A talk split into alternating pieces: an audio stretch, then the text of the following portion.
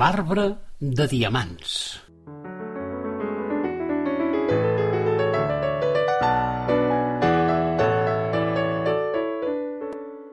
Aquest conte parla de l'arbre anomenat eucaliptus, que segons Orvei té unes propietats molt bones. Serveix per cicatritzar ferides, fer fregues per quan estàs constipat i un munt de coses més. Hi havia una vegada un jove rei feliç com cap altre. El seu regne no era pas més gran que una vila de quatre cases, amb plaça i tot, però per ell i els seus súbdits que es comptaven amb els dits dels peus i les mans, n'hi havia ben bé prou. Tothom feia allò que més li agradava i gràcies a Déu no els faltava res de tot el que tenien. Amb això vull dir que en poc s'acontentaven. Però de totes les coses boniques que tenien, n'hi havia una de preferida i era el seu estany. Era un estany cristal·lí amb peixos de colors i plantes d'aigua de tota mena. A la vora hi havia barquetes menudes per a passejar i més enllà, després d'un petit canaló per on s'escolava l'aigua, un rentador públic per fer la bugada i petar la xerrada. A prop d'aquell petit país n'hi havia un altre de més gran i poderós.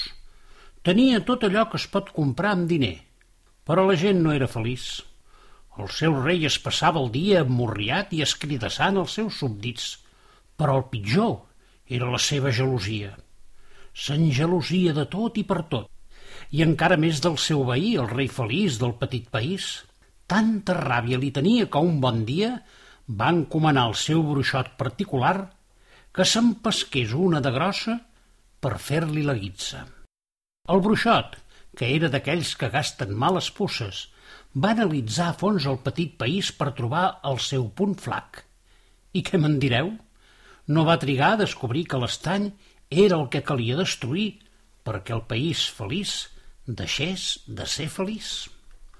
Una nit fosca com la gola d'un llop, el bruixot va anar fins l'estany i deixar caure dins l'aigua una llavor màgica de poders malèfics. Pocs dies després, la llavor va brotar i en va sortir un arbre que creixia i creixia.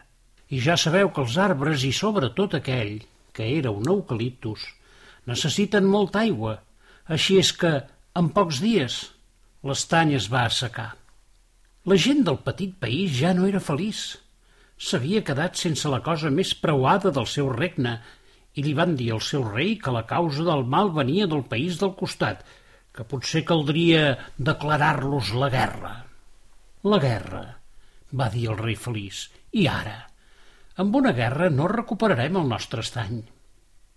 Un dia, el jove rei, que era més astut que una guilla, tot mirant aquell arbre, va decidir enfilar-se per observar-lo de més a prop.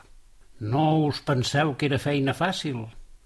L'arbre seguia creixent i ja feia més de 25 metres d'alçària. Però el jove rei no era gens poruc. I cames perquè us vull, trepa que atraparàs fins al cap damunt. Allí va veure que l'arbre feia una mena de fruits força estranys. La seva forma li recordava un gros diamant. Sense pensar-ho dues vegades va ordenar als seus súbdits que en recollissin un bon feix i els pintessin com si fossin diamants.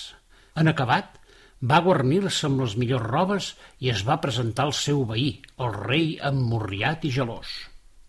Majestat, vinc a donar-vos les gràcies perquè m'heu regalat un arbre que fa diamants i com a prova del meu agraïment us porto una arqueta plena i un damuntat en un anell de corall.